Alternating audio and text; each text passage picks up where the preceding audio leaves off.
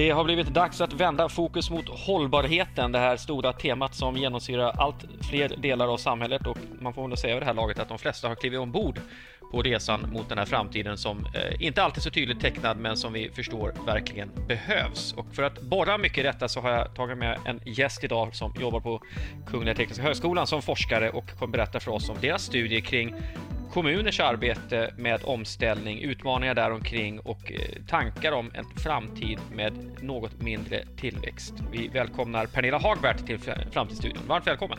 Mm, tack så mycket! Du jobbar som sagt på, eh, forskar på KTH. Eh, berätta lite, vilken avdelning jobbar du vid eller forskar du vid och, och vad är det ni ägnar er åt egentligen? Ja, men precis. Jag är på en avdelning som heter urbana och regionala studier och det är helt enkelt så som det låter. Vi studerar egentligen allting som har att göra med samhällsutveckling eh, kopplat till både urbana, rurala, rurala miljöer, eh, regional utveckling eh, och så vidare. Och just det som jag och mina kollegor jobbar med, det handlar mycket om det som man ibland kallar hållbar stadsutveckling eller en hållbar samhällsutveckling. Eh, men i det här så fokuserar jag just på både, kan man säga, spänner från skalan i det lilla, i, i vardagen, i människors eh, vardagsliv, i boendemiljöer. Min forskning har fokuserat väldigt mycket på just hållbart bostadsbyggande. Men till den här eh, både kommunal skala, regional skala men också nationell eh, skala när det kommer till policy och planering för en hållbar omställning. Så att det, det spänner liksom alla de här frågorna. Men, men jag brukar säga att min forskning handlar om hållbar omställning. Det är egentligen det jag studerar. Just det. Och hur har du kommit att forska kring det? Vad är vägen fram till det som du gör nu då? Hur hamnade du där? Jag är faktiskt Ja, jag är arkitekt från början eh, och eh, där är det inte alltid självklart att man jobbar med eh, de här frågorna. Men det är ju alltid en sån här generalistbakgrund som sen ledde mig in i just det här hållbar bostadsutveckling som var också temat för min avhandling på Chalmers. Och sen dess så har jag fortsatt på det spåret. Det har blivit mindre och mindre av arkitektur och arkitektoniska frågor och mer och mer av just de här frågorna kring vad är det som eh, får människor att vilja ställa om och vad är det för begränsningar som gör att vi eh, som samhälle och särskilt då i, samhällsplaneringen och samhällsutvecklingen inte kan ställa om. Just det. Ja, jag, jag hör ju, jag ser någon slags eh, eh vad ska jag säga, ja, tendenser till att många eh, upplever att man kan ha massa eh, kunskaper om tekniska områden, men det är alltid människan till slut det kommer ner till. Liksom, eh, får, man ja, inte med, får man inte med hjärtat och hjärnan, då spelar det ingen roll. Då kan du nästan göra vad som helst och misslyckas. Ja, men precis. Jag tänkte ju att jag skulle bli ingenjör när jag började, men sen så blev det mindre och mindre av det tekniska och mer av, jag läste psykologi bland annat. Så att det, absolut att människan kom in där, men också på, på just den här samhällsnivån som jag tänker att mycket av, av den forskning som jag bedriver, det är det man kan kalla som någon slags socioteknisk utveckling eller det här samspelet mellan sociala, eh, både sociala praktiker, sociala krafter i, liksom, i samhället och hur vi förstår det byggda, det materiella. Mm. Eh, så det, är, det är väl liksom det som är kärnan kan man säga i, i mycket av den här typen av forskning. Mm, just det. Eh, ja, så är det också att du har ju jobbat, eller antagit normkritiskt perspektiv också i dina studier ibland. Eh, berätta mm. lite, normkritik. Jag själv stötte på det, eller stötte på det, jag började möta det för kanske 10-15 år sedan eh, under mitt stora engagemang i ideell sektor som ofta ligger långt fram och diskuterar den typen av frågor. Medan jag upplever att de senaste två åren kanske det liksom inte pratas fullt lika mycket i mainstream om detta längre. Om du skulle beskriva normkritik först, vad, vad är poängen med det perspektivet och, och, och hur ser du utvecklingen här har varit de sista åren? Ja, det är någonting som jag också eh, kommit till ganska nyligen ska jag säga och det var just i kopplingen till eh, säga, studier kring, eh, kring boende, hur vi ser på boende, hur vi ser på vardagsliv och hur vi ser på resursanvändning. Och där finns det eh, ganska många studier vid det här laget som pekar på skillnader mellan olika sociala grupper, däribland till exempel män som grupp och kvinnor som grupp. Eh, men även utifrån andra, det man kallar intersektionella perspektiv. Och, det är det vi försöker jobba med också, där vi tar in aspekter såsom klass, kön, ålder, etnicitet och, så vidare i hur eh, det på olika sätt skapar vissa förutsättningar men också eh, kan länkas till olika typer av attityder till miljö och klimatfrågor. Eh, och det är här vi då försöker jobba. Vi vill, vi vill gå bortom det här ganska binära att eh, män gör så här, kvinnor gör så här, utan vi jobbar med liksom normerna kring eh, vad, vad, är det som, som skapar eh, det här sammanhanget att till exempel då som en kollega till mig, Martin Hultman, jobbar med maskulinitetsnormer. Varför är det så att, att det finns vissa typer av normer som är väldigt nära kopplade till att män som grupp generellt eh, åker mer bil, eh, äter mer kött och så vidare. Eh, eller vad är det för, för socioekonomiska faktorer som gör att vissa sociala grupper faktiskt har ett lägre konsumtionsavtryck?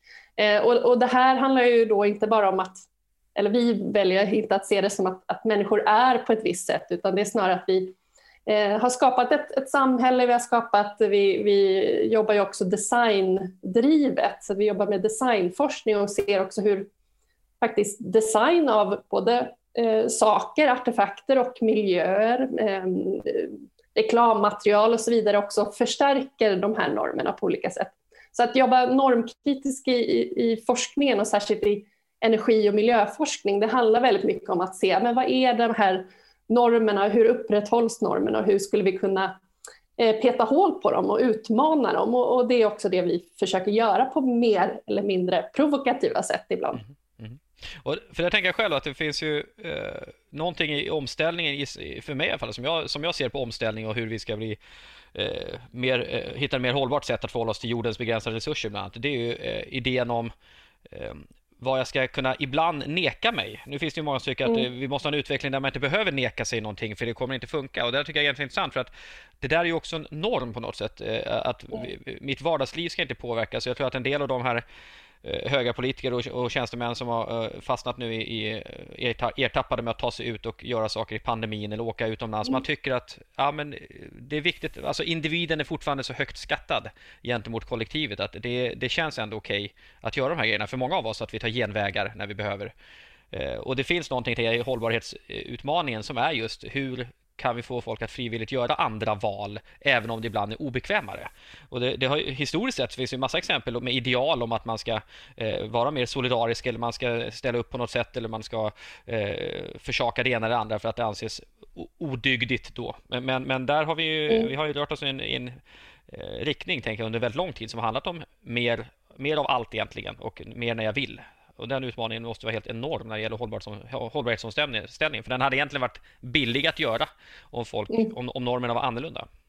Ja, men precis, och det är väl just det som, som vi försöker studera, hur det här är ett samspel mellan olika. Alltså jag har ju studerat just vardagsliv och, och eh, bostadsutveckling eh, närmare och till exempel synen på hemmet, hur den har förändrats och, och någonting som också ofta framställs som ganska sådär ja men det är väl subjektivt, vi har alla vår syn på hemmet och så vidare. Nej, det, det, är faktiskt inte så subjektivt som vi tror. Vi är liksom mycket mer normativa. Vi, eh, man kan se det som, eh, oavsett om man väljer att prata om strukturer, jag pratar ofta om ja, att det är liksom en, en, en, kulturellt betingad norm kan vi prata om. Det är någonting som också försvinner allt mer och mer. För 20-30 år sedan var det större variation i hur man såg på hemmet mellan olika kulturer till exempel eller olika eh, länder. Idag försvinner det allt mer och mer till förmån för en bild, en norm av vad men, som men det, är Det där måste nästan bli, bli konkret. Vad när du säger mm. ser på hemmet, alltså vad man ska använda hemmet till eller hur det ska in? Ja, men precis. Eller vad? Ja, men det är både, både och. Så, eh, när jag pratar om liksom synen på hemmet eller förståelsen av hem så är det både hur man liksom rent emotionellt tänker och anknyter till hemmet. Vad har det, vad har det för liksom emotionell funktion? Eh, men det är också väldigt nära kopplat då till det här eh, till det faktiskt byggda. Alltså det vill säga vilka typer av material som ses som riktiga eller bra eller goda. Eh, då kan man också komma in på det här med komfort. Vad ser vi som ett bekvämt hem? Eh, centralvärme är en sån där eh, klassisk grej att vi internationellt sett så är ju centralvärme en ganska, har varit en ganska marginell företeelse, en ganska, eller väldigt ineffektiv. att vi liksom värmer upp hela byggnader hela tiden överallt eh, och inte kopplat till vad vi faktiskt liksom använder ah, rum okay. till. Mm. Men det där, det där har ju då förändrats så att idag är ju liksom idén om eh, centralvärme, om den fristående villan. Eh, det här är vissa av de bilderna som, som liksom dominerar eh, och det är inte då för att det finns vissa som liksom tolkar det mer, kan man säga, eh, deterministiskt, att man liksom, människan är på ett visst sätt. Men då, det är ju ganska intressant då att man kan liksom visa på att ja, det här är ju snarare ett resultat av eh, ja, men allt ifrån liksom mediabilder till just när det handlar om byggsektorn så handlar det ju också om en, en globaliserad byggsektor där det är vissa material som premieras eller inte. Det har ju mm. ingenting med lokala förutsättningar eller vad som är kanske bäst utifrån ett klimatperspektiv utan det handlar ju om status och, och, och så vidare. Och det har jag väldigt svårt för att, att länka till liksom den här mer att människan är och vill ha det på ett visst sätt. Just, ehm, Just nu det finns en, en, utställning på Etnografiska museet som jag tror tyvärr avslutas just nu och det är ju svårt under pandemitider men där, eh, den handlar ju som, om human nature eh, och människans natur. Alltså vad, vad, är, vad är det här? Och där mm. medverkar faktiskt vi från, från eh, min forskargrupp med ett antal artefakter, ett antal liksom föremål som vi har, eh, kan man säga, de är normkritiska eller spekulativa eh, föremål som försöker liksom peka på vad vi antar kring till exempel bekvämlighet eller hur vi ser på resurser, vattenresursen till exempel. Vad, vad liksom, hur förstår vi vatten, att vatten kommer in i våra hem och så vidare. Eh, så det, där finns liksom väldigt många bilder av vad som är ett, ett gott och bekvämt liv. Eh, och det här, dels är de ju inte nödvändigtvis eh, hållbara eller de är snarare eh, väldigt tydligt pekar man på att de är ohållbara. Men jag skulle mena att de är inte heller givna.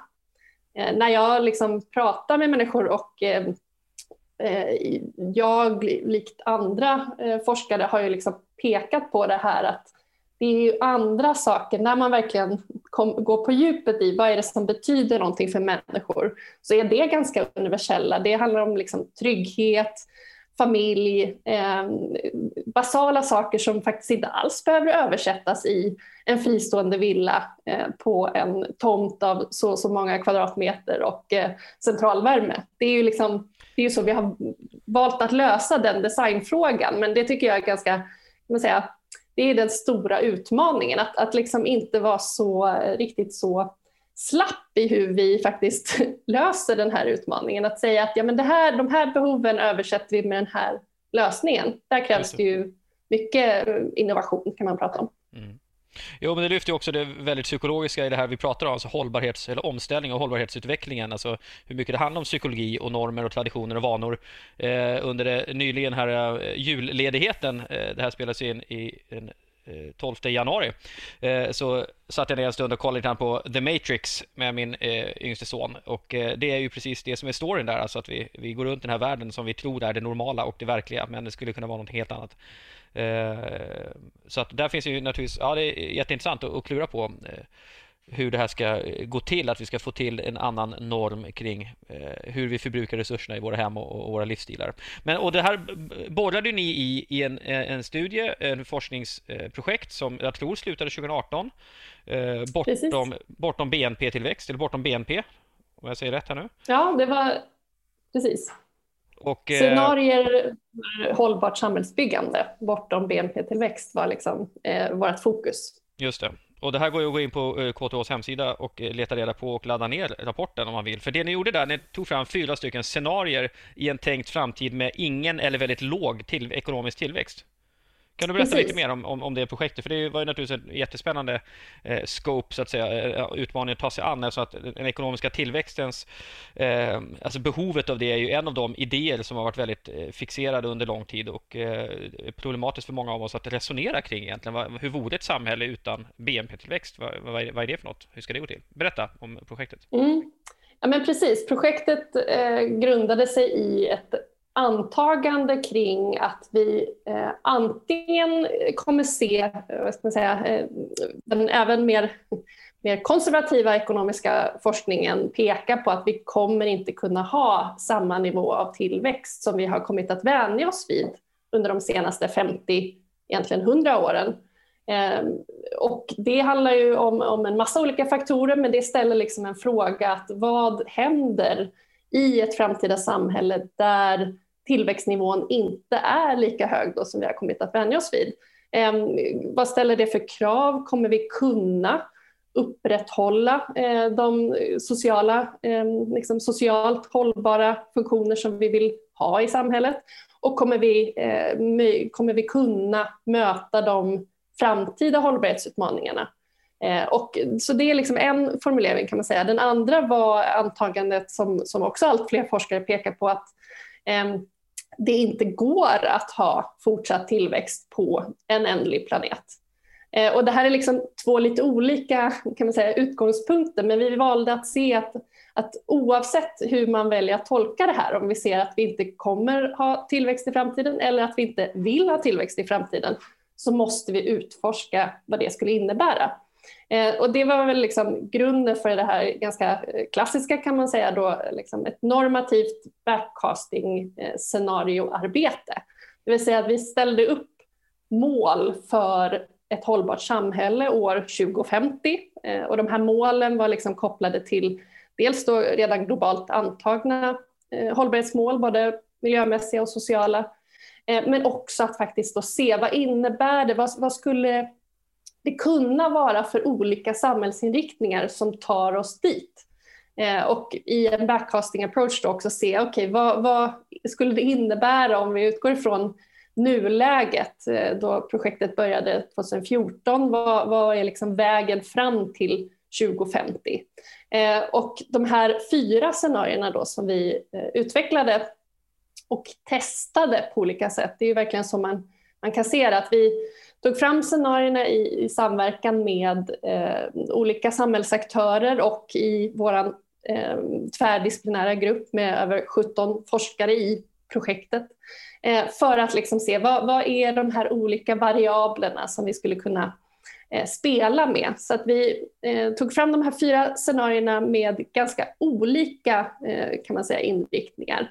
Eh, och det första var det kollaborativa ekonomiscenariet, det vill säga alltså att vi har en samverkansekonomi eller en delande ekonomi, men där liksom principen att vi eh, både delar och samutnyttjar resurser eh, på olika sätt, men också att hela logiken i ekonomin faktiskt bygger på det här kollaborativa, så att vi går, övergår från ett privat enskilt ägande eller ett offentligt ägande till ett delat gemensamt ägande.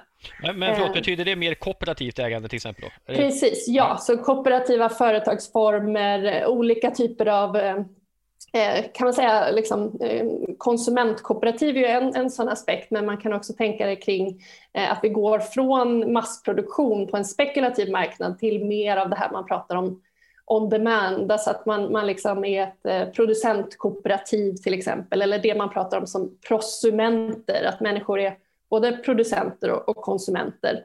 Mm. Eh, och I ett sådant scenario så, så, kopplas det också till en eh, samhällsutveckling där vi bor eh, mer och mer i täta fast mindre kluster. Eh, man pratar ibland om urbana byar eller, eller flerkärnighet. Eh, men helt enkelt ganska tätbebyggda men, men små och medelstora städer förbundna av kollektivtrafik. Helt enkelt. Men, men skulle det betyda att storstäderna som, ja, väldigt, globalt räknat har vi bara tre stycken, eh, om ens det. Men skulle mm. de splittras upp tänker man sig det i scenariot eller menar man att det tätnar till i, i mellanrummen snarare? Nej, utan det är väl just att, att det snarare är fokus på att utveckla den här flerkärnigheten, att det inte är den här centraliserade urbaniseringen, utan, ja. utan snarare att man kan tänka sig att våra storstadsområden blir liksom, består ännu tydligare av fler olika kärnor. Ja. Eh, och det är någonting bara intressant nu under pandemin så är det ju många som spår att det är just den typen av utveckling i liksom, närområdet där människor bor och verkar Eh, och i ett kollaborativt ekonomiscenario så, så är också eh, kan man säga, arbetsformer eh, förändrade i att, att liksom produktionsmedlen ägs mer då gemensamt. Och att man också har en, en, man möjliggör det här med hjälp också av digitalisering för att faktiskt kunna samutnyttja resurser. Men där det byggs då på en slags öppen, alltså open source. Det är, ingen, det är liksom, verkligen den här idén om delad kunskap eh, och eh, delade resurser och tjänster och så vidare. Men betyder också att de här små orterna då, alltså de här, att det också blir en slags eh, mikroekonomier i sig, det är så det bygger, eller hur? Att det blir närhet ja, men, mellan produktion och konsumtion på ett annat sätt? Tolkar ja, men precis. Men samtidigt kan man säga så att det, det här första scenariot då, det bygger ändå på en, en viss, liksom, eh, ett, ett utbyte av kunskap och information och där man, man ändå har en ganska god koppling till till omvärlden. I det andra scenariot då, det kollade mer på lokal självförsörjning och där kan man ju prata om en, en ännu mer kan man säga, lokaliserad, alltså ett lokalsamhället är väldigt starkt mm. i ett sådant scenario. Och att vi då år 2050 skulle ha en mycket högre grad av självförsörjning inom Sveriges gränser men också regionalt. Eh, och det här följer också då att den här självförsörjningen, alltså vad vad vi kan producera det är också väldigt beroende av eh, de lokala förutsättningarna. Så att ett sådant scenario skulle ju se större regionala skillnader. Eh, och det vill säga att vad, vad som är möjligt att eh, producera i Skåne är inte samma sak som i, i Norrbotten. Och där var också en del av, av det som vi i projektet faktiskt undersökte att genom eh, studier i, i tre olika fallstudiekommuner så diskuterade vi de här scenarierna och såg vad, vad är möjligheter och, och hinder i relation till, eh, till scenarierna. Och just lokal självförsörjning, där är det viktigt att tänka att det här scenariot bygger inte på att varje hushåll är självförsörjande. Det är inte att alla odlar egna tomater, utan det är just fokus på lokalsamhället, eh, kommunen, eh, det, det liksom gemensamma bestämmandet på lokala nivån. Men där staten i ett sådant scenario har en mycket mindre roll. Ja, för det var min fundering direkt. Alltså, drog ni scenarierna så långt ut att ni också funderar på, på, på demokratiformer som ska passa de här systemen? Och sånt? Precis. För det blir en annan typ av eh, förväntad delaktighet hos medborgarna. Eh, fler som ja. ska faktiskt vara tvungna att, att fatta beslut och engagera sig. Ja, men precis. Så just i lokal självförsörjningsscenariot så är ju den här lokala arenan väldigt viktig och kräver också en, en, en samverkan på, eh, i, till exempel att man kan tänka att kommunen eller andra typer av lokala mm. Eh, sammanslutningar blir, blir mycket viktigare. Eh, också i det politiska engagemanget och liksom i vardagsengagemanget. Eh, man kan liksom, vad ska man säga, jämföra det här eller kontrastera det med det tredje scenariot som då handlade om en automatisering för livskvalitet och det är egentligen det här ganska klassiska teknokratiska scenariet som har funnits under ja, drygt hundra år. Alltså idén om om vi använder teknikutvecklingen till vår fördel eh, så kan vi ta ut de produktivitetsvinster som, som liksom finns i att vi digitaliserar, automatiserar, robotiserar produktionen och ta ut det här i minskad arbetstid. Så det är liksom grundtesen i det scenariet, att vi 20, år 2050 eh, jobbar i snitt 10 timmar i veckan istället för 40 timmars arbetsvecka som norm. Eh, vi har då mer tid för eh, andra aktiviteter och i ett sådant scenario så har vi kollat specifikt på att det blir mer kan man säga kopplat till socialt umgänge, till eh, att man faktiskt också kan lägga tid på det som är det här samhälleliga samtalet, alltså agoran får en revival, att vi samlas ute i våra eh, stadsmiljöer. Eh, I ett sådant scenario så är det också, bygger det på en extrem optimisering, alltså att en optimering, heter det på svenska, eh, av både den byggda miljön och den teknik som vi då också kräver för den här automatiseringen. Så det är faktiskt det scenario som, som kräver eh, till exempel allra minst boyta per person för att det ska gå ihop rent eh, om man tänker just kopplat till klimat och, och energi. Och det här skiljer sig också ganska mycket från hur vi pratar om automatisering idag. Det ser vi ofta som en slags Eh, vi kan leva på som vi gör, men vi låter robotarna göra jobbet. Det vi pekar på i scenariet när vi gjort just en hållbarhetsutvärdering, det är ju att, att för att det ska gå ihop så krävs det ganska stora förflyttningar. Det vi producerar måste vara så extremt optimerat. Alltså det är för att, för att ja, för mig är inte glasklart sambandet. Varför blir det viktigt för att lyckas med automatiseringen? Eller för att den ska kunna... Ja, men det handlar ju om, om de Ja, det handlar om de inbyggda utsläpp som krävs i den teknikutveckling som, som vi eh, räknar krävs för att vi ska uppnå det här automatiserade samhället som vi då mm. har, har eh, studerat. Eh, så är det, det är ju associerat med eh, höga utsläpp under tiden dit. Så att det vi liksom bygger, de tekniska system vi utvecklar måste vara så pass optimerade så att när vi väl är i den där mm. framtiden, när här, den infrastrukturen finns på plats, så eh, får den använda extremt lite energi och resurser. Okay. Mm. Eh, och, och, det just kopplat till liksom byggsektorn så handlar ju det om att vi eh, i ett sådant scenario måste ner på cirka 18 kvadratmeter per person. Och idag har vi ungefär 42. Så det är en, en, stor minskning av yta per person och det är mm. bara en av strategierna som krävs för att vi ska kunna möta klimatmålet liksom, i bygg, byggsektorn. Mm. Ja, det är en ehm. väldig nedgång. ja. Och, och, just, och det här scenariot det bygger ju istället då på en, en eh, fortsatt kan man säga urbanisering, alltså det här ett, ett högteknologiskt byggande. Vi drar nytta av att vi eh, både bor väldigt tätt men också då på väldigt liten yta eh, så att de här tekniska systemen kan just optimeras. Så det, mm. Det, liksom, logikerna i scenarierna följer också vissa typer av eh, bebyggelsestrukturer kan man säga. Eh, och det här kan också då eh, kontrasteras med det sista scenariet som är det fjärde scenariet handlar om cirkulär ekonomi. Mm. Och det är ju något som vi känner till ganska väl, det är det man redan pratar om till stor del.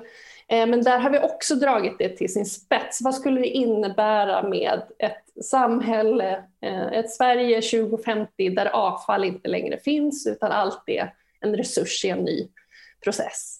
Ehm, så att där eh, ser vi också en fortsatt, det är också det scenario som på vissa sätt ligger närmast utvecklingen idag. Där är 40 timmars arbetsvecka fortfarande norm. Det är en fortsatt centraliserad urbanisering, det vill säga storstadsregionerna blir, blir liksom större. Eh, och eh, där vi liksom ser ungefär som idag, det, det är många singelhushåll. Eh, där har det skett en ganska stor förändring i att vi just ställt om vad som ses som status. Det här med liksom konsumtion av eh, produkter som bygger på eh, nya uttag av råvaror har förändrats till att istället premiera eh, konsumtion av återbrukade varor eller av tjänster. Det är ju det man ofta pratar om i cirkulär ekonomi. Eh, och att istället eh, naturupplevelser, kulturupplevelser är sånt som, som värderas i samhället och bland, bland människor i deras vardag. Eh, och just i ett sådant scenario så är det också intressant att tänka vad, vad är det för typ av kunskap som, och kompetenser och där är det ju väldigt mycket ingenjörs och designkompetenser som behövs medan till exempel då i lokal självförsörjningsscenariet där är det ju en helt annan typ av kompetens som, som krävs. Så att det här, de här scenarierna ger liksom en utgångspunkt för att diskutera. De är inte facit på något sätt utan de ger liksom fyra olika inriktningar. Ja, det, det är eh, scenarier så att det är ja. Ja, utkast precis. Mm. Precis, och det är väl just det här då som, har, som är väldigt intressant för vi har ju utifrån de här scenarierna eh, sen då pratat med olika samhällsaktörer både i våra eh, fallstudiekommuner i det här ursprungliga projektet och jag har gjort ett stort antal intervjuer med olika typer av aktörer, både lokala och nationella. Och vi har sen också då tagit det här vidare i ett fortsättningsprojekt där vi, ja, Ja, innan vi, innan vi går vidare tänkte jag bara så här, eh, också så att vi ska eh, hjälpa lyssnarna här att få en överblicksbild. Ja. Eh, de fyra scenarierna, alltså kollaborativ ekonomi, ekonomi, lokal självförsörjning eller själv, ja, självförsörjning mm. är väl svenska översättning här. automatisering för, för livs, bättre livskvalitet och cirkulär ekonomi i välfärdsstaten om jag ska mm. översätta rubriken här. Jag måste bara, bara borra lite mer innan vi drar vidare på nästa spännande mm.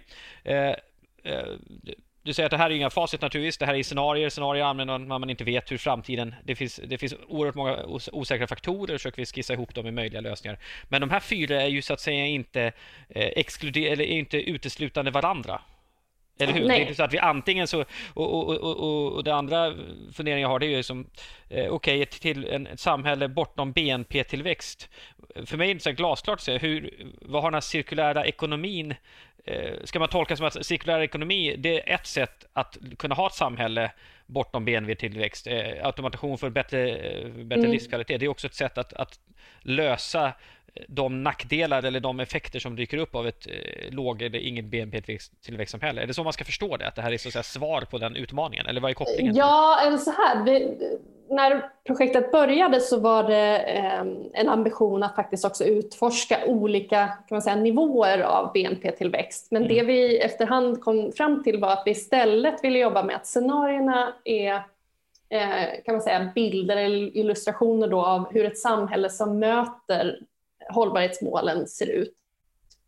Eh, och då är det de fyra mål som vi särskilt då kollade på som handlar om klimat, markanvändning, eh, det handlar om tillgång till resurser och eh, vad ska man säga, medbestämmande, liksom sociala frågorna. Och, och det här kopplar mycket då till att vi faktiskt vill ta bort diskussionen om, om ekonomin ur ekvationen. Alltså inte i inte, att det ska inte vara en del av målsättningen utan ekonomin är snarare då ett medel för att uppnå det här samhället. Eh, och det skulle man kunna argumentera att det är ju, de, de flesta skulle ju mena att, att ekonomin är just ett medel, men om man ser då till hur vi ofta idag diskuterar det här så är ju på något sätt att fortsatt tillväxt är en förutsättning för att kunna nå sociala eh, ekologiska mål. Och det är det här vi vill försöka vända då och säga att om vi ställer upp scenarier som på olika sätt då ska förhålla sig till och rymmas inom de här hållbarhetsmålen så, så kan det ske med olika ekonomiska modeller eller olika ekonomiska logiker. Så det är det de fyra scenarierna pekar på, ganska olika typer av ekonomier. Eh, och eh, som då också argumenteras för på olika sätt skulle kunna ha en påverkan på att vi i ett lokalt självförsörjningssamhälle till exempel har väldigt låg BNP, just eh, idén om, om liksom den nationella eh, mm. ekonomin och istället skulle kunna prata om lokala ekonomier och så vidare.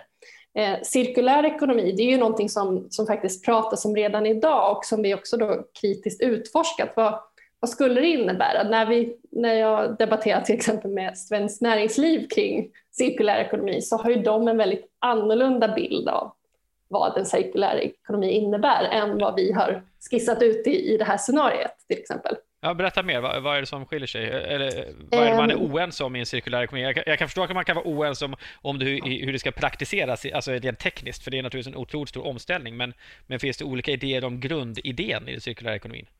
Ja, men det är väl just det här om man tänker att eh, en cirkulär ekonomi ska liksom eh, bara skifta konsumtionen. Eh, alltså det är det som är på något sätt en, en eh, den diskussionen som förs, att vi genom att gå mot mer cirkulära flöden, cirkulära system, så skulle vi kunna upprätthålla BNP och, och tillväxt.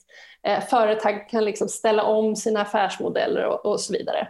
Eh, det vi i våra scenarier kollar på, det är ju liksom ganska, eh, det som krävs i alla scenarier, det är en radikal minskning av total konsumtion. Och om okay. man har liksom en förståelse av BNP som den samlade liksom, produktionen och konsumtionen eh, i ett land så, så är det ju liksom en total minskning som krävs och det kommer inte täckas av att vi alla börjar konsumera tjänster och massager och cykelreparationer utan det är också och där, där finns det ju en skillnad då i att när vi pratar om cirkulär ekonomi så är det också ganska eh, eh, fortfarande baserat på att vi ska ha lokala och regionala eh, resursflöden och, och, det är inte kanske en bild som delas av, eh, av, av de industriaktörer vi har i Sverige idag som ser snarare global marknad för cirkulering av material och, och, och så vidare. Vad har ett av Sveriges största fastighetsbolag, ett av Sveriges största spelbolag och ett av Sveriges största fackförbund gemensamt? De har alla investerat i en skräddarsydd post-corona-analys. Att få grepp om de långsiktiga förändringar som kommer efter pandemin är inte lätt. I vilken mån kommer vardagen att återgå till det normala? Vilka beslut och åtgärder blir tillfälliga? Och vilka kommer visa sig vara bestående? Även om det fortfarande råder stor osäkerhet kring de totala effekterna finns det redan indikationer om vart världen är på väg. Vi står redo att skräddarsy en process och arbetsform för just era behov. Maila oss på info at så återkommer vi till dig. som jag uppfattar dem nu här efter en dragning så är de ju väldigt olika eh, beroende av hur omvärlden också gör. Alltså när jag funderar kring omställning till cirkulär ekonomi ser jag att det här är ju det är en otroligt stor eh, utmaning. Det har massa med standarder att göra, hur man ska jobba. Det, det är som producent får du helt andra ansvar. Du blir mycket mindre oberoende än vad du var tidigare för du måste jacka i olika system när det du skapar ska återvinnas, återbrukas, återdesignas och så vidare. Det är ett helt annat sätt att samspela och det inbillar mig att vi globalt, i globala jämförelser ligger otroligt olika i olika länder om hur man skulle kunna få det här att funka, vilka resurser som finns. Och, ja, det, ja, det, det Eh, en ofattbar komplexitet egentligen. Som, om man inte gör det då kanske mer nationellt, men då, eh, då kan man ju börja tävla också eh, låg BNP-tillväxtekonomi mot en annars då eh, tillväxtinriktad, mer konventionell ekonomi. Och, och där uppstår det problem som det alltid gör i globala eh, konkurrensen på något vis. Så det, Precis, och det är väl det, just det här scenariot är, har vi kopplat till en stark välfärdsstat. Alltså att vi, vi menar att för att uppnå eh, den grad av kan man säga, cirkulära system som, som faktiskt krävs eh, så skulle det behöva en samordning. Och nu har vi i det här projektet fokuserat på just eh, Sverige. Eh, men vi har gjort antaganden också vad som händer i omvärlden, hur bra resten av världen är på att ställa om och, och till vilken grad vi, av eh, vad ska man säga, handel med andra länder. Alltså vi har olika nivåer av import när vi har då sen räknat på de här scenarierna. Men, men just det här att det krävs en ganska stark industripolitik för att driva en cirkulär ekonomi, just för att eh, olika, olika industrier, olika företag ska jacka in i varandra. Det krävs en, liksom, eh, en, en logistik också i ren plats, alltså det krävs liksom eh, upplag och det krävs mm, logistikcenter och, och, så vidare. Och det här kräver ju också då, menar vi, då en, en, kan man säga, en ganska stark samverkan mellan eh, stat och industri. Den här klassiska svenska modellen, fast i en ny tappning. Och det skiljer sig också då igen från de, till exempel en kollaborativ ekonomi, även om man ofta pratar om cirkulär ekonomi och kollaborativ ekonomi som, som det du var inne på, så att de överlappar, så har vi i scenarierna dragit dem till sina olika spetsar just för att mm. visa på att det här kan uppnås på olika sätt. Så att den kollaborativa ekonomin, där är inte heller staten särskilt eh, stark, utan där är det just sammanslutningar av eh, människor på olika sätt, nätverk och så vidare. Eh, starkt civilsamhälle eh, och så, men där också företagen inte heller har så stark roll. Så att det finns ju lite olika kan man säga, variabler att spela med här, vilket också då märks när man har pratat med industriföreträdare. Jag har fått höra att det här är extremt provocerande att, att vi håller på med, men, men vi menar ju att det är väldigt viktigt att just beforska för att se vad, vad skulle det kunna innebära? Vad är det för avväganden som mm. krävs? Vi förespråkar ju inte det ena eller andra, utan det är just för att kunna se vad, vad skulle en utveckling åt en riktning innebära och vilka möjliga synergier kan finnas med en annan, ett annat scenario och vilka motsättningar mm. eh, kan också finnas. Extremt provocerande säger du. Ja, det var, eh, det var, nu heter de ju något annat, men Sveriges byggindustriers eh, företrädare som menade att och det kan man ju förstå i ett, ett framtidsscenario som lokal självförsörjning, där finns det ju ingen byggindustri att prata om. Så det är ju klart, det är väldigt provocerande. Medan var, var, varför, automatisering... Varför det, men varför är det självklart att det inte finns någon byggindustri? Nej, inte i, i lokal självförsörjningsscenariot till exempel, då eh, just byggsektorn är också väldigt lokaliserad. Där är det snarare bygglag, det är mycket mer att man bygger själv, eh, byggemenskaper och, och så vidare som liksom utmanar eh, idén som vi har just i Sverige idag som är väldigt dominerat av de här stora nationella eh, byggföretagen. Eh, och, och, där kan man ju se istället att scenarier som automatisering eller cirkulär ekonomi, det ligger mycket närmare i deras, vad de redan håller på med och deras visioner. Ehm, idén om att man inte kommer behöva byggarbetare i framtiden, att man bara kommer kunna ha i princip personer med vita handskar som går och klickar ihop byggen som, som en eh, byggföreträdare sa i en intervju. Som 3D-printas ut av någon robot som lägger... Ja. ja. Mm. Jag förstår. Ja, nej, det här är ju oerhört intressant alltså och vad vi håller på att diskutera nu det är ju eh, i stora frågan hållbarheten och omställningen till det hållbara samhället och eh, era studier kring de här fyra, fyra scenarierna för ett samhälle med lägre BNP-tillväxt och där ekonomin då som säger inte ett mål utan verkligen ett medel. Eh, och det som slog mig när jag läste de här eh, första gången, för jag hade kontakt med din kollega, kollega Åsa Svenfeldt för några år sedan i samband med en annan studie. Eh, och, och tänkte också att ja, jag, jag, kan förstå den här provokationen som det kan väcka, för det finns det finns ett, eh, tycker jag, apropå normer, eller vad man ska säga, antaganden bakom, så får jag en känsla att de som har skapat det här är ju människor som ett är väldigt etablerade i samhället, eh, inte nödvändigtvis kanske eh, levt så mycket i näringslivet och, och den känslan av eh, kniven mot strupen som, som många privata företag, jag vet inte om de stora byggjättarna har det för att de är så dominerande, men, men många andra sektorer eh, känner att man har, det är en annan utgångspunkt så att säga, men också ett ideal om en människa som är väldigt medborgaraktiv. Och det här tycker jag är väldigt spännande. Alla som har lyssnat på podden förut vet ju att jag ständigt tjatar om samhällskontraktet och medborgarna och, och vilken syn vi har på vår delaktighet. Och, och där finns ju någonting oerhört spännande om eh, och, och, och, vad ska jag säga, spännande kring hur vi ser på människans förmåga men också lust att medverka, att vara del. Och eh, eh du är inne här, vi var inne här på den kollaborativa ekonomin där kooperativ, alltså i, rent tekniskt ofta ekonomiska föreningar som är sammanslutningar av individer eller sammanslutningar av företag eh, eh, bedriver sin verksamhet som konsumentkooperativ till exempel då som eh, den stora gröna matvarukedjan eller som producentkooperativ som flera av de svenska skogsbolagen eh, och, och, och LRF och så vidare.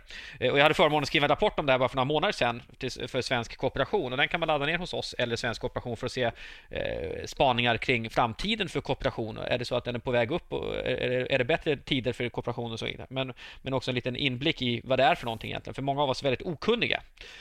Och där tänker jag, där finns, en, där finns en fälla i detta, att man har ett ideal om samhället där alla går med och, och, och eh, reser varandras lador i lite Amish people style. Och, och, jag har ingenting emot det, det är absolut inte det, men, men det finns eh, jag tillhör själv tror jag, den grupp i samhället som tycker att det där vore inte så främmande. Det känns inte så avlägset. Men sen inser man sen man möter andra människor med andra perspektiv och andra bakgrunder och även som kanske Eh, på grund av sitt liv inte har känt sig så delaktiga i samhället. Man tycker inte att man är sedd och bekräftad och så vidare. Och, ehm, att, steget till den typen av medborgarroll är väldigt stort, apropå det psykologiska motståndet för omställning. Och där, där, kan jag tycka, när jag läste första gången i alla fall, ögnade här lite grann, eh, eller skummade ska jag säga, det var att jag fick en sån känsla att den här gruppen är nog ganska pro den typen av medborgartyp. Och i det finns det eh, kanske någon vit fläck här i resonemang. Det är mycket lättare att tänka sig den här automatiseringen som i någon mening är lite centraliserad. Alltså det måste till standarder, det är företag som levererar, det är inte en massa individer som går samman och gör så värst mycket. Utan det, det, det är som det är nu ungefär. Vi, vi mm. samlas kring sociala medier men de ägs av en person eller två personer. Så Eh, det är en annan mm. typ av samhälle. Vad, vad, tänker du om det, att, att ni som forskargrupp kanske har en bias som vi alla har när vi skriver våra saker? Absolut, och, eller jag ska säga det är just därför vi har de fyra scenarierna för att de på olika sätt, nu eh, kanske inte lyft fram det så tydligt, men de gör också olika antaganden om vilken grad av delaktighet som, som krävs. Eh, och det är just för, precis som du säger, för att beforska det utifrån olika förutsättningar. Så och det är ett sätt att jobba med att om vi ser att ett sånt här samhälle, ett kollaborativt ekonomiscenario är det vi vill gå mot, ja men då måste vi verkligen jobba med att bygga tillit till exempel. Ja, det. Är det cirkulär ekonomi, ja men då är det inte lika viktigt utan då är det snarare det här industripolitiken eh, och, och liksom att utbilda många ingenjörer och, och designers som är viktigt. Och det är just för att, som du säger, kunna belysa det här, att vi det gör ganska olika antaganden om vad det är för typ av samhällsutveckling. Eh, men jag ska också säga, och det är ju helt korrekt, att vi har ju liksom ah, man blir ju alltid begränsad av dem, de som ingår i en scenarieprocess och där har vi försökt att jobba med både eh, liksom, mellan de discipliner som ingått i projektet men också gentemot eh, till exempel kommuner och andra aktörer. Och där är det ju intressant att vi gjorde ju workshops till exempel med eh, våra tre fallstudiekommuner Malmö, Alingsås och Övertorneå. Just för att belysa olika förutsättningar mm. till omställning och eh, också kopplat till de sociala målen. För där finns det ju en, en risk eh, och det pratar vi inte så ofta om. Alltså, vi har ofta föreställningar om framtiden ska vara liksom den här rättvisa och, och hållbara Eh, Eh, men kommer orättvisor att försvinna bara för att vi, vi liksom vill det? Eh, och det var ju något som illustrerades just i, i de här samtalen med eh, framförallt då kommunaktörer, att, att ja, men, eh, vad händer i lokal självförsörjningsscenario utifrån ett, ett genusperspektiv, jämställdhetsperspektiv? Blir det inte en återgång till liksom, storfamiljer där det är husbonden som styr och liksom den patriarkala strukturen? Eh, eller i, i, kollaborativ ekonomi som då bygger på liksom intressesammanslutningar. Vad händer med de som inte har liksom socialt nätverkande som sin första gren? Eh, så det var just genom att, att faktiskt ställa upp scenarierna så kunde vi också diskutera och se men vad är det för strategier. Ja, men då skulle man till exempel kunna eh, jobba med tidsbanker. Det är ju någonting sånt som är alltså ett sätt att, att se hur man skapar ett socialt skyddsnät över tid, även i ett kollaborativt scenario. Eh, att, att liksom jobba att en timma eh, tid är detsamma oavsett om det är en timma som, som tandläkare eller rörmokare. Eh, det är ganska radikalt. Det är väldigt radikalt mm. skulle man kunna Lika säga. lön för alla. Ja, ja men precis. Eller, eller i automatiseringsscenariot till exempel så kollade vi på basinkomst som ett mm. sånt medel för, eller det blir som ett styrmedel för att undvika eh, vissa kan säga, negativa effekter. Men, men, och det är precis det här som, som var det intressanta, att ställa upp scenarierna och sen så gjorde vi liksom, eh, hållbarhetsutvärdering, både då kan man säga, de sociala målen men också eh,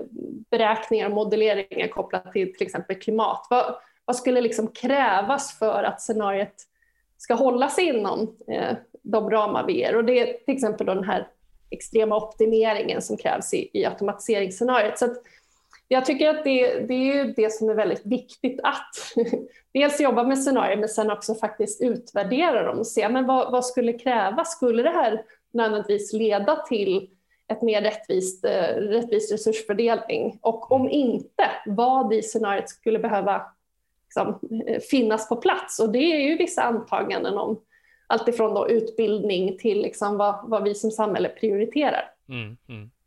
Men jag ska också säga, det, apropå det här du sa att vi har olika bilder och det är också någonting som är väldigt tydligt när jag har varit ute och föreläst om scenarierna i ja, framförallt är det ju länsstyrelser som, och, och kommuner och, och tjänstemän på länsstyrelser och kommuner som har varit väldigt intresserade och bjudit in. Och, och, det har jag funderat lite varför det är så. Det kanske man upplever en viss frustration när man sitter där och jobbar med samhällsplanering, att eh, vi inte pratar på olika sätt om den här framtiden och där har man liksom sett kanske möjligheten då att det här projektet liksom ger en, en legitim plattform att faktiskt diskutera. Och, och, då har jag varit ute och, och föreläst eh, i olika sammanhang och brukar ställa den här frågan kring dels vad är det eh, man som organisation idag vilket scenario ligger när, närmast den utveckling? Eh, och där är nästan alla cirkulär ekonomi. Det är det som liksom företag, kommuner och regioner eh, redan kan, eller det man det. pratar om ganska mycket. Eh, men sen brukar jag också fråga, vad, vad skulle du själv i mm. publiken mm. se som ett liksom, scenario eh, och, som du vill, vill liksom leva i? Eh, och där är det mycket större spridning. Och det här tycker jag, jag brukar liksom visa det ganska illustrativt att ja, mm, okej, okay, ni jobbar utifrån ett scenario, men när vi ser vad vi som individer eller i olika professionella roller eller liksom vad det nu må vara, så, så har vi inte en bild av vad framtiden. En, en, för en person så kanske inte alls ligger um, så långt ifrån deras verklighetsuppfattning att just ha ett lokalt självförsörjningsscenario medan för en annan så skulle det vara det sämsta tänkbara. Eh, och det är det här också som, som är på något sätt kraften att jobba med scenarier såklart, men också behovet av diskussion. Att mm. Vad händer då i ett samhälle som består av olika individer med olika förutsättningar och förväntningar på vad framtiden innebär? Och hur ska man då jobba med det till exempel i en eh, kommun eller region? Mm. Eh, där vi idag ofta bara har en berättelse som, som dominerar. Och ofta faktiskt, som jag då har sett i mina studier, så är det en berättelse som kanske inte ens upprätthålls av alla. Det är kanske är en berättelse som, som egentligen ingen eller väldigt få på platsen, till exempel om det handlar om kommunal nivå, egentligen tror på. Men det är en så dominerande samhällsberättelse om till exempel då fortsatt BNP-tillväxt, eh, teknikutveckling, eh, digitalisering, urbanisering som jag har varit ute i kommuner som inte alls känner igen sig i den den mm. bilden. Men det är ändå den bilden man ska förhålla sig till. Just det. Just det. Vi kommer tillbaka till det här med eh, arbetet på kommunal och regional nivå i, i vår del två. Men, men jag måste också, eh, innan vi rör oss vidare, eh, Åsa som jag pratade med, din kollega, hon nämnde, vilket fastnade hos mig i alla fall, det var att eh, när ni hade workshoppat med de här kommunerna, eh, så Överkalix, Alingsås och Malmö. Övertorneå. Övertorneå, så var det. Ja. Eh, och ehm, då hade hon upplevt i alla fall att man kände att det var lite befriande. Så här, hur skulle ni göra om ni inte behövde ha tillväxt som primära mål? Mm. Utan andra saker, att det fanns något frigörande i att åtminstone mm. mentalt få befinna sig i det rummet och, och fundera på mm. vad gör vi då istället? Liksom. Och det, det, tyckte jag var så eh, inspirerande att höra. Och då menar jag inte det för att eh, ekonomisk tillväxt är någon eh, eh, satan, utan liksom mer så här idén just att, att eh, vrida an, sätta andra värderingar tydligare kanske i första rummet och mm. kanske också något att göra med att man som kommun och region har i viss mån ganska begränsade verktyg för att jobba med tillväxt. Det är ändå företagen som, som måste göra det i, i, i det medellånga och korta perspektivet. Mm. Även om man kan hålla på med utbildning och naturligtvis massa infrastruktur och annat kring mm. det. Men, men just det där att få mm. tänka kring det, det, det, kan man väl skicka med som lite inspiration till de som lyssnar. Att det är också någonting att få leka med och ta sig an. Och det kanske går att eh, få stöd av det material ni har eller på andra sätt. Eh, ja. Absolut, och det är ju det som vi också nu försöker faktiskt utveckla. Ett, ett material som kan användas för att väcka diskussion. Eh, och där kan man ju också säga, vi har ju, i projektet så jobbade vi mycket med eh, eh, kommunikation. Vi, vi hade liksom, gjorde poddavsnitt, vi har spelat in filmer, eh, vi har eh, en rapport som finns tillgänglig, en kortare broschyr, för det var något som tjänstepersonerna som vi pratade med sa att ska man sätta det här i händerna på en politiker, då får det vara fem, sex sidor max. Ja. Eh, så det är ju faktiskt ett sätt att också jobba med att försöka få ut forskningen för att eh, väcka diskussion. Just det här att vi vill liksom inte, det är inte facit, det här är inte, det här är inte en sanning om framtiden, utan det här ger en möjlighet att diskutera på andra sätt. Och precis det som du säger, jag har ju inte mött eh, egentligen någon i mina eh, intervjustudier då till exempel som, som liksom ja, men tillväxt det är, det är det ultimata målet. Utan människor är ju som det är som mest. Man, man har liksom, eh, de allra flesta har en, en, ambition om att man vill bidra till något i sitt eh, arbete, i sin kommun, i sin region. Eh, det är väldigt få som vaknar på morgonen och tänker nu ska jag bidra till lite ekonomisk tillväxt. Utan man tänker nu ska jag göra det bättre för mina kommunmedborgare. Jag ska eh, göra det här uppdraget eh, för mitt företag som visst kanske har aktieägare som också liksom vill att jag ska jobba på bra. Men, men det är väldigt få som drivs av ekonomisk tillväxt som mål. Ja, ja precis. jag tänker, med, med, med, det sagt tänker jag också att ja, i bästa fall tänker man att nu ska jag lite, skapa lite värde i kommunen. Det gör man ju också. Men eh, för att vara lite krasst, det här är ju en ständiga liksom, eh, kanske största utmaningen vi har tänker jag med mm. omställning. Det är ju verkligen mm. det här att människan är sig själv närmast och jag är inget undantag. Alltså hur svårt det är att inte prioritera Eh, Eh, sina barns önskningar på julafton i prylar för, för the greater good, eller vad det kan vara för någonting. Jag, jag ser en hel del film och det här temat återkommer ju ständigt när människor i slutändan inte riktigt kan ta det där klivet utanför familjen, utanför eh, och, och, ska mm. associera vidare. Det är väl det som eh, de eh, socialistiska utopierna med våld försökte åstadkomma. En människa som inte var självupptagen på det sättet utan skulle göra det kollektivet. Och, och det visar allt, allt våld och all diktatur som har behövts för att lyckas med det visar väl hur svårt det är att få människor att lämna den egna eh, flockens härd och vända sig ut för någon annat större syfte. Liksom. Och, där, eh, och jag säger inte det för att jag är någon misantrop, men, men, men det, där ligger ju en av våra stora utmaningar. Vad är man beredd att eh, försaka för de ännu ofödda och för eh, ens barnbarns framtid som vi trots allt ändå talar om här? Eh, Absolut, och det, där ska vi säga, det är ju också kärnan i det, mycket av det som jag, eh, som jag jobbar med nu, att faktiskt se okay, vad är det för, för antaganden som vi gör. Och, och där, jag, skulle, eh, jag håller ju med dig om, om den bilden eh, delvis, men, men jag väljer också att ha en eh, ganska positiv syn på människans förändringskapacitet. Mm. Alltså är det någonting som jag kan se i mina, min egen forskning och i andras forskning, just i eh, omställningsforskningen, så är det faktiskt en enorma kapacitet för anpassning och omställning som vi också har. Alltså det är paradoxalt, vi har både de här inlåsningseffekterna, vi eh, lyckas skapa samhällen och strukturer som dessutom låser in oss ännu mer i de här beteendena och vanorna vi redan har. Men vi har också faktiskt en kapacitet att, att förändra. Och det här, det, jag drivs ju av den paradoxen. Jag tycker det är intressant att vi har liksom både den här konstruktiva och destruktiva krafter, eller vad man ska säga. Och just eh, när jag pratar med, med företag, apropå det här med att eh, liksom leva med eh, kniven mot strupen, eh, så är det någonting som framträder i, i våra studier så är det ju faktiskt att företag är ju de som kan anpassa sig. Det är det man gör. Det är ja, det man är väldigt bra på. Våra offentliga institutioner, de är inte gjorda för att anpassa sig. Och när vi pratar omställning så är det egentligen eh, så att vi kan se nu ett, ett slags omställningsunderskott. Alltså man pratar om det här i, i eh, man kan prata liksom nationellt. Just nu i Storbritannien så ser man det ganska tydligt att det finns liksom ett större stöd för och där jobbar man med andra metoder med, med liksom eh, medborgardialoger och medborgarkommittéer och, och så vidare. Men vi kan se i Sverige att vi har ju större stöd för mer radikala åtgärder bland befolkningen än det politiska styret och liknande faktiskt på företagssidan. Att det finns ju, eh, det drivs på eh, kan man säga, mer från, från företagens håll än det som kanske är de krav som ställs. Alltså det där är både och. Man ska säga mm. såklart brasklapp att det också finns ett starkt motstånd mot eh, hårdare kravställning just när det gäller hållbarhetsomställning. Men, men det är ju faktiskt väldigt intressant att vi har liksom en politik som är ganska reaktiv.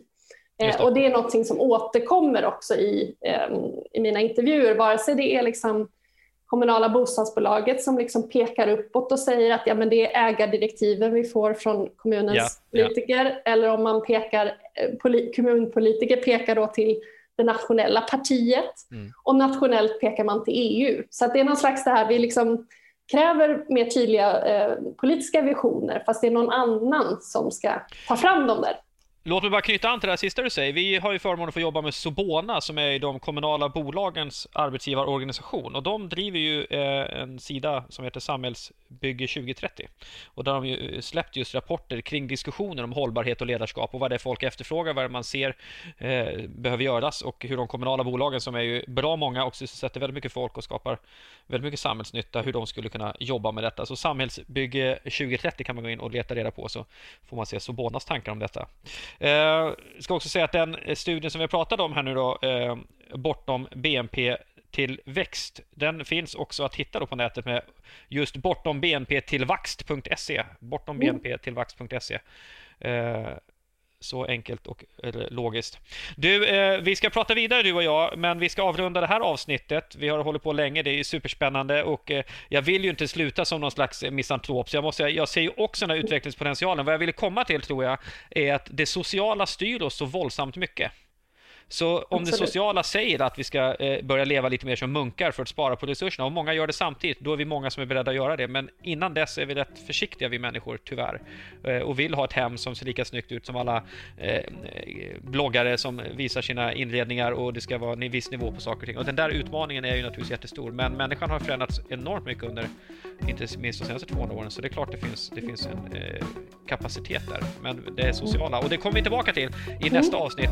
Eh, Pernilla, jag säger tack och hej för den här gången och sen så eh, får lyssnarna snart ta del av nya tankar i den här diskussionen. Jättetack för att du kom hit till Framtidsstudion. Tack så mycket.